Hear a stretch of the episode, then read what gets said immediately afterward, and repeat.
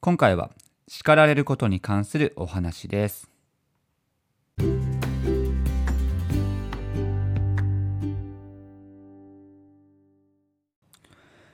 皆さん、こんばんは。ヒロトのふらっと独り言。本日もお話を始めていきます。はい。えー今日で4連休終わりですね。今ちょうどこれ配信撮ってるのが、あのー23時ぐらいなので、あともう1時間ぐらいで、あの、明日を迎えてしまうわけなんですけども、ま僕も明日、ま仕事があるので、今日は早めに寝ようかなと思いまして、結構、ま、こういう、ま、4連休とか連休の最終日に限って夜更かししてしまう。まあそういう方もしかして多いんじゃないでしょうか。はい。良くないですね。もう明日は、あ、今日か。今日も早く寝て、明日に備えていきたいと思います。はい。まあ今日がですね、もう叱られた時はこう考えてますということで、もう連休明けから、まあ、叱られることについて考える。まあ嫌なんですけども、まあ僕が、あの、ふと思ったことを今日はお伝えしたいなと思います。はい。えーと、僕ですね、まあ自分で言うのもなんですけども、よく会社で怒られます。まあ怒られると言っても、そんなもう怒鳴りつけるとか、うん、それこそパワハラみたいな、そういう、まあ、怒られ方じゃなくて、何かと、まあ、細かい点を、まあ、指摘されたりとか、あとは、まあそうですね、やっぱまだまだ経験が浅いので、まあもっとこうした方がいいんじゃないということで、あの指摘を受けることが多々あります。はい。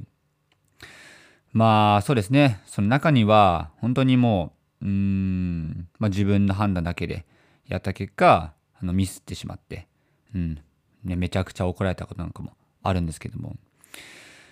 ま、やっぱりですね、まあ、お客さんありきの商売であったりとか、あとはまあ上司との関係っていうのもまあ難しいと思いますし、まその中で、ね、自分のパフォーマンスを出さなきゃいけないってことなので、本当にもう社会人って、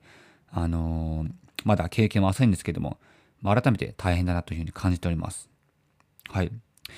まあ、そんなこんなで、まあいろいろと、ま、かれこれ、まあ2年、まだ経ってないか、1年近く、1年以上か、うん、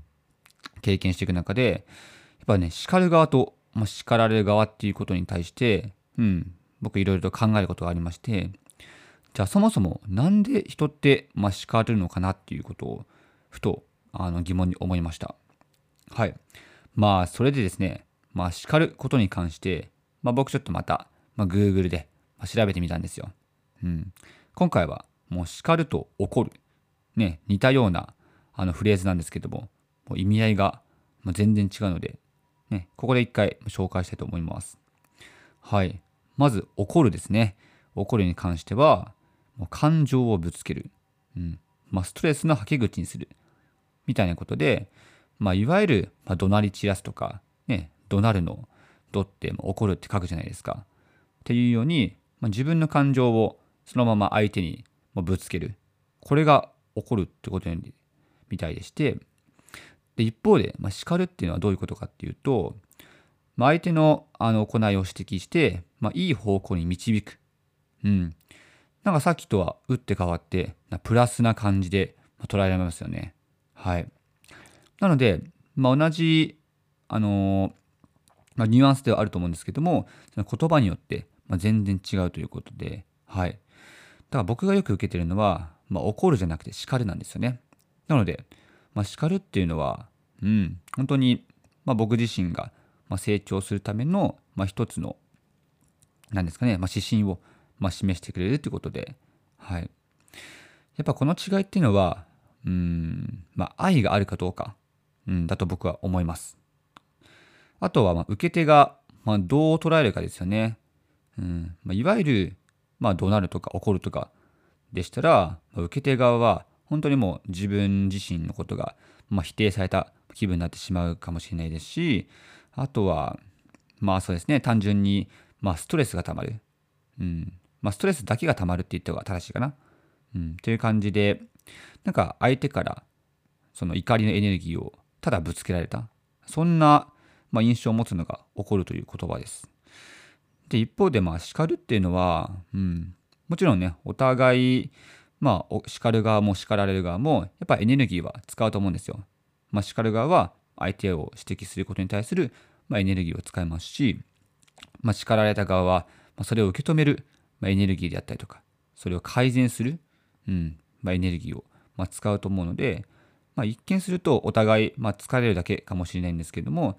やっぱりその、まあ、叱るってことに関しては、さっきもあの説明した通り、まあ、指摘することで、まあ、相手をいい方向に導くっていうことなので、うん、やっぱりその、まあ、前向きな、ま、捉え方が、ま、されますよね。はい。まあ、なので、ま、こういった、うん、同じニュアンスでも違いがあるということで、はい、ご紹介をしてみました。まあ、それでですね、うんまあ、僕ここで思ったのが、まあ、叱るっていうのは結構しんどいことなのかなっていうのは正直思いました。で、このしんどいっていうのは、誰に対するしんどいかっていうと、あの、叱られた側じゃなくて、まあ、叱る側ですね。はい。まあ、さっきも言ったように、やっぱエネルギーを使うんですね。叱る側っていうのは。僕も、あの、今はね、まだまだ学ぶ段階であるので、まあ、人に、まあ、叱るってことは、あの、あまりないんですけども、じゃあ、もっと遡って、まあ、学生時代とか、うん、あとは高校時代とか、僕、まあ、サッカーとかやってたので、そのサッカー部の時に、やっぱり後輩が、まあ、できるわけなんですね。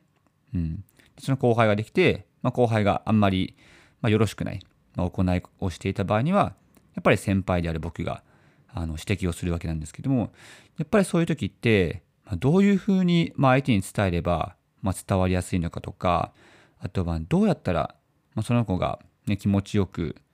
まあ怒ってるので、まあ、気持ちよくって言ったら、まあ、変なんですけども、うん、より前向きに捉えてもらえるのか、うん、でそういう、まあ、叱り方を考えるのでも、まあ、すごいエネルギーを使いますしいざ実際に叱るっていうのも、まあ、エネルギーを使うのでだから一見するとうんあんまりね、まあ、メリットはないように思うんですけども、うん。まあ、実際ね、まあ、嫌われるリスクもあるのでなかなか、まあ、叱るっていうのは、まあ、リスクかなと思ったんですけども、まあ、僕ねこういうのを改めて考えて思ったのは、うん、やっぱ叱られるのって本当にもう、ま、恵まれてるんだなっていうのは思いました。はい。まあ当然ね今のご時世なかなかその上司の方とかでも、まあ、叱りづらい部分あるじゃないですか。ちょっと指摘しただけで、あの部下とか、まあ、へこんでしまったりとか、あとは、でも最悪の場合、なんかもうパワハラとか、いうふうに訴えられてしまうケースもあったりするので、うんまあ、なかなか、ね、やりにくい部分あると思うんですけれどもでも言われてる側、うんまあ、僕もさっきも言ったように結構、まあ、指摘されるケースがあるんですけども、まあ、言われてるうちは結構肌なのかなって思ってます。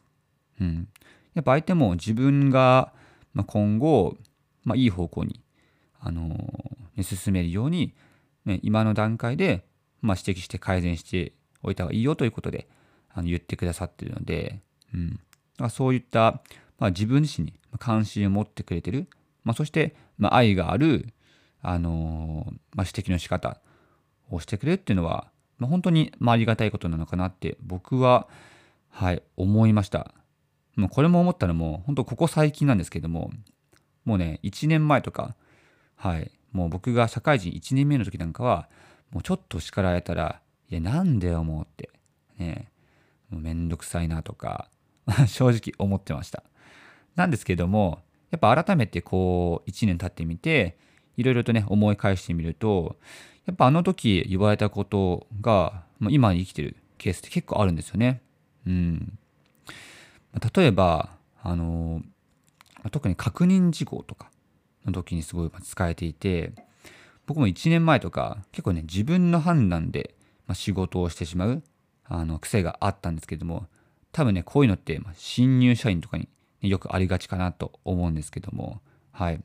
でもそういうことしてると、うん、結局なんか後々トラブルになった時にうん、ま、ことが大きくなってしまうのでだから僕はそういうことを、ね、ちょこちょこ、まあ、繰り返してねあの、まあ、指摘されてもうそれ以来はもう何かしら不安要素があったらうん、ちょっと自分で考えてで答えが出なかったらその先輩とか上の人に聞くっていうことを、まあ、習慣化するようにしました。でそうすると、まあ、どういうどうなったかっていうとやっぱり、あのー、ね、その時は、まあ、多少は時間かかるんですけども、うん、やっぱり後々、うん、トラブルもあの非常に少なくなりますし、うん、やっぱその段階で自分が学べるんですね。あこういう時はこういう行動を取ればいいんだっていうことが、まあ、自分のあの知識と、まあ、経験としてま蓄積されていくので結果的にはま次につながる、うん、そういうのがあの、ね、指摘されたことを通じて僕は学ぶことができたのでやっぱりね叱られることってま必要なことなんだなっていうふうに思いました。はい。なので、